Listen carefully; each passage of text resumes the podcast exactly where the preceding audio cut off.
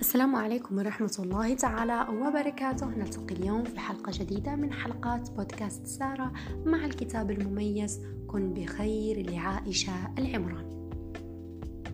لا تهرب من مواجهة الواقع. ليتنا نتوقف عن الجري واللهاث باحثين عن لحظة صدق لا نضحك فيها على أنفسنا. لحظة صدق واحدة يا صاحبي أثمن من جميع اللآلئ. لحظة صدق واحدة هي الحياة مصطفى محمود. تظل أمور الهارب من المواجهة معلقة ومؤجلة حتى إشعار آخر وبذلك فقد تزداد سوءا مع مرور الوقت بسبب تجاهلها ما يؤثر سلبا على ثقته بنفسه وقد يصل به الأمر إلى الإصابة باضطرابات نفسية وجسدية. حتى أصحاب الإعاقات العقلية يجب أن يشرح لهم وضعهم بشكل مبسط كي يتفهموا حقيقة اختلافهم عن الآخرين ولا يعيشوا في حيرة. للكثير من الناس جانب مخبأ من الواقع هي الأمور التي لا نستطيع أو لا نريد مواجهتها وربما لا نكون قادرين على رؤيتها أصلا برغم قربها الشديد منا إنكار الواقع أو التهرب من مواجهته هي حالات قد يمر بها أي إنسان بدءا من الأم التي لا تعترف بسوء خلق ابنتها وانتهاء بقادة الدول الذين أصموا آذانهم عن كل الأصوات الشعبية العالية التي ترفضهم. إنما يجعلنا نتجنب مواجهة الحقيقة هو خوفنا من مواجهة أمر مجهول قد يقود إلى إحداث تغييرات في حياتنا. بإنكارنا للواقع نثبت على وضع نثبت على وضع واحد لا نغيره.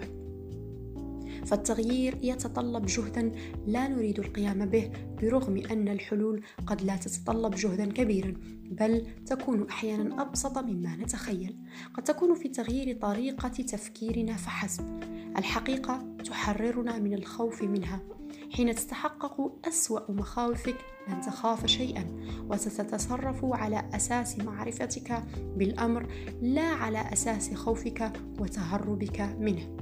ما إن تواجه الواقع لن تتمكن من العودة إلى ما كنت عليه من تخبط. ستبدأ في ملاحظة تصرفاتك التي كانت مبنية على جهلك بحقيقة الوضع.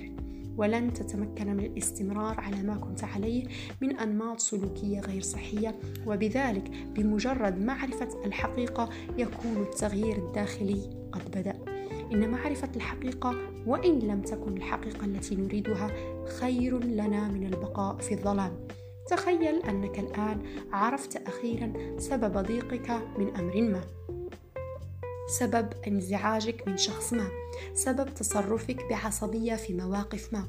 حينها ستتمكن من فهم وضعك وستتحرر من كل قيود الجهل التي قيدت بها نفسك بتهربك من المواجهة. حينها ستتمكن من التنفس بعمق وتتقبل الواقع كما هو. مما يمنحك الفرصة للتصرف حيالة بمنطق وروية. الوضوح لا شك يحقق لك راحة في الذهن.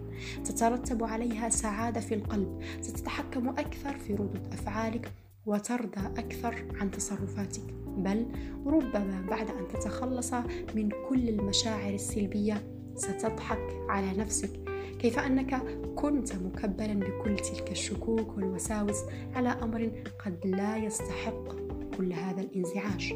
مواجهة الواقع لا تحسن حياتك وحدك فحسب وإنما تحسن حياة الأفراد من حولك كذلك.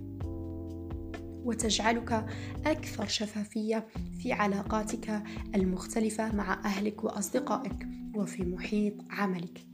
إن كان الواقع الذي نهرب منه مشوشا لدرج لدرجة لا تمكننا من رؤيته بشكل واضح فإن من الحكمة أن نلجأ لمن نثق برأيه سواء كان صديقا أو شيخ دين أو استشاريا ليضع معنا النقاط على الحروف. لا تستهن أبدا بقدرة الآخرين على إحداث تغيير في حياتك.